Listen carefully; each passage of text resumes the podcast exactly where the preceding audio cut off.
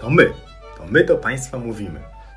Tomasz Batko. Mateusz Kosiak. My jesteśmy lekarzami, twórcami portalu eduson.pl I postanowiliśmy trochę urozmaicić portal eduson.pl i zamieścić na nim podcasty.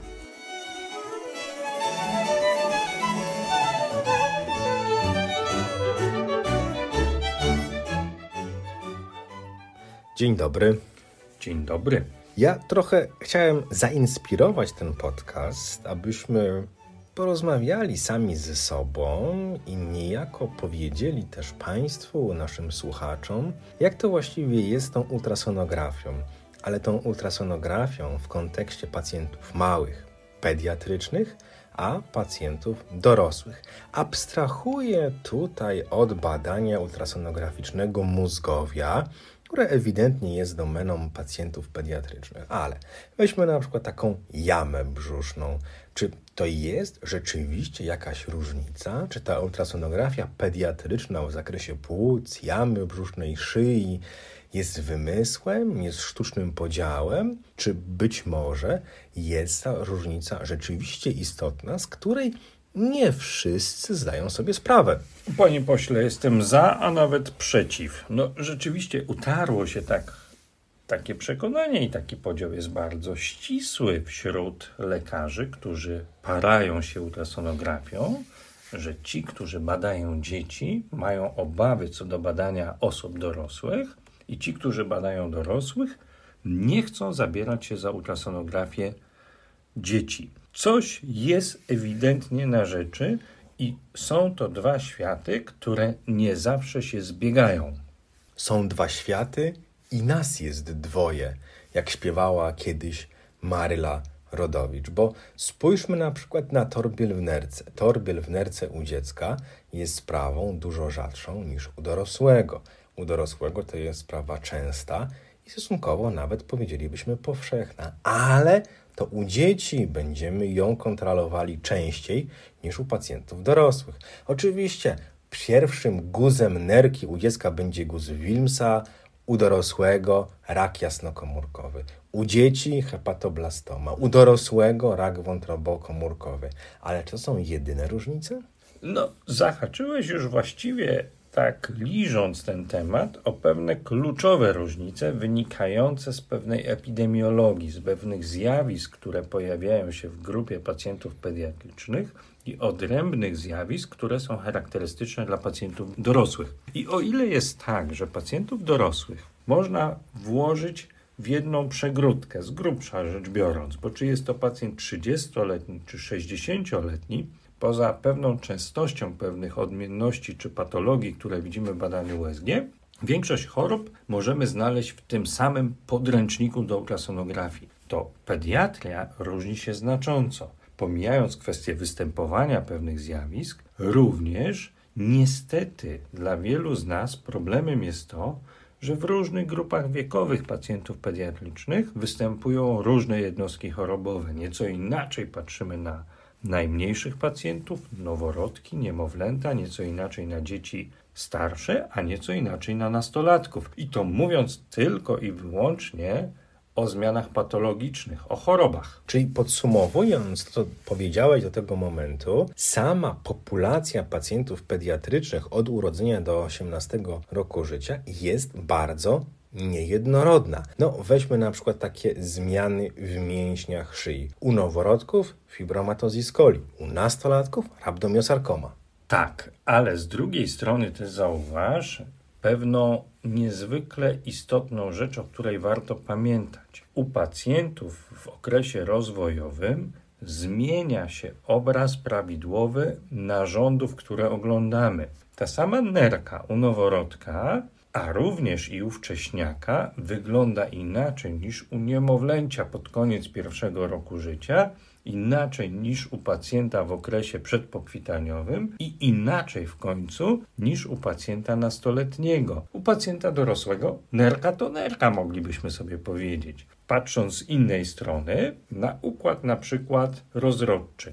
Jajniki i macica zmieniają swój wygląd bardzo dynamicznie w pierwszych tygodniach życia, w okresie niemowlęcym, w okresie przedpokwitaniowym i przez cały okres dojrzewania u naszych pacjentów. No i bardzo słusznie mówisz, ze względu na to, że jeżeli ktoś bada pacjentów dorosłych, to zdziwi się, że w tej nerce noworodka ma taki kontrast pomiędzy korą a piramidami, że te piramidy mają bardzo niską echogeniczność, a z kolei kora ma nieco wyższą echogeniczność niż u pacjentów dorosłych. Jeżeli ktoś bada głównie dorosłych, to zdziwi się, że w jajnikach u tej noworodki czy noworodkini będą widoczne pęcherzyki, które mają prawo tam być i wcale mają prawo nie być takie małe, bo mogą mieć nawet i 9 mm i czasem u tych najmłodszych dzieci, mówimy o noworodkach, mogą być jeszcze większe, co wcale nie świadczy o patologii. Ten obraz musimy zawsze dopasować do wieku pacjenta, bo akurat w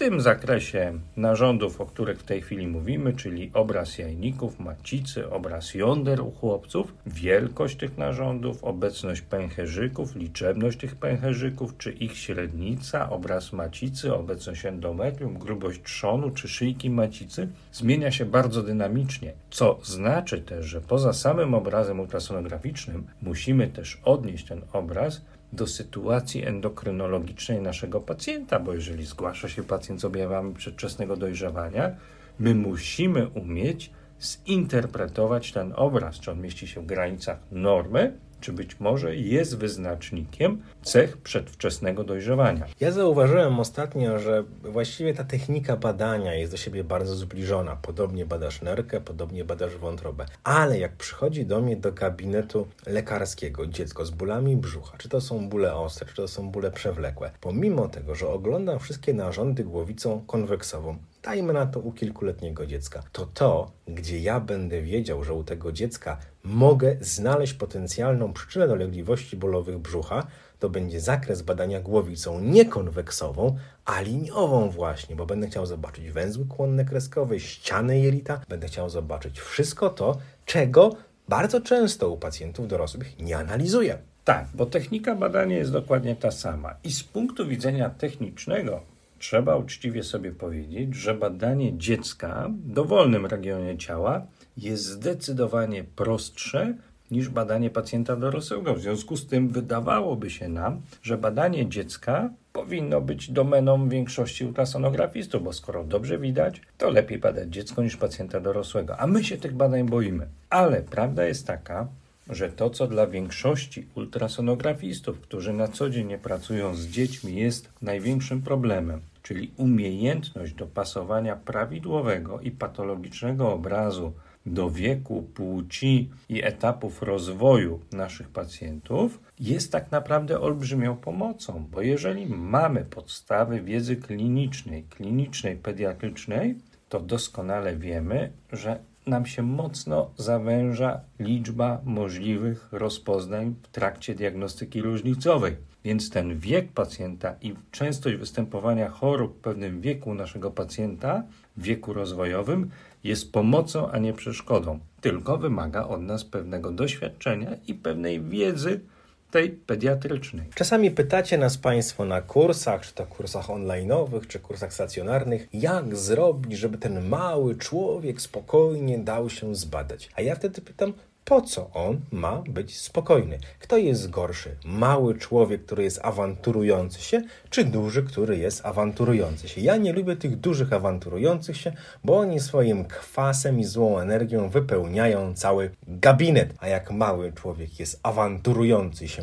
bardzo, to po pierwsze, badamy go sprawnie, szybko, bo się skupiamy, koncentrujemy, żeby jak najwięcej zobaczyć.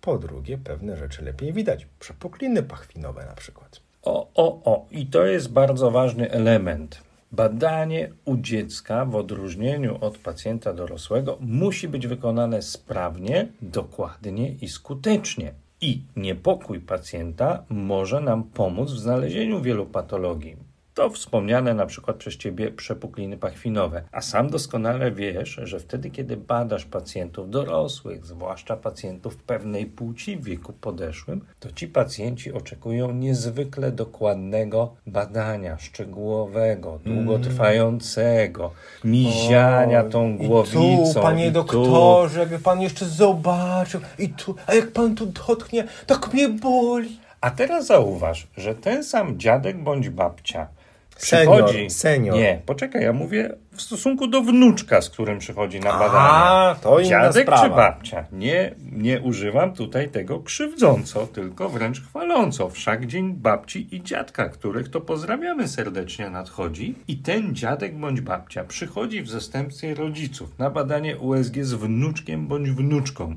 I co słyszymy z ust tego dziadka bądź babci? Już, już, pan doktor szybciutko zbada, już kończymy, już kończymy, to już ostatnia minutka, już, już, już po badaniu. Punkt widzenia zależy od punktu siedzenia bądź leżenia w tej sytuacji. Z góry wszystko wygląda inaczej. I tak to chcieliśmy Państwu przedstawić w sposób może troszeczkę subiektywny, ale taki bardzo nasz, te różnice między małymi a dużymi. Wierzymy w Państwa inteligencję, że pozwoli ona się Państwu dostosować i do dużego, i małego, i to badanie nie będzie pewną sztampą odwzorowywaną, niezależnie od tego, kogo badamy. Do usłyszenia, do zobaczenia. Pozdrawiamy.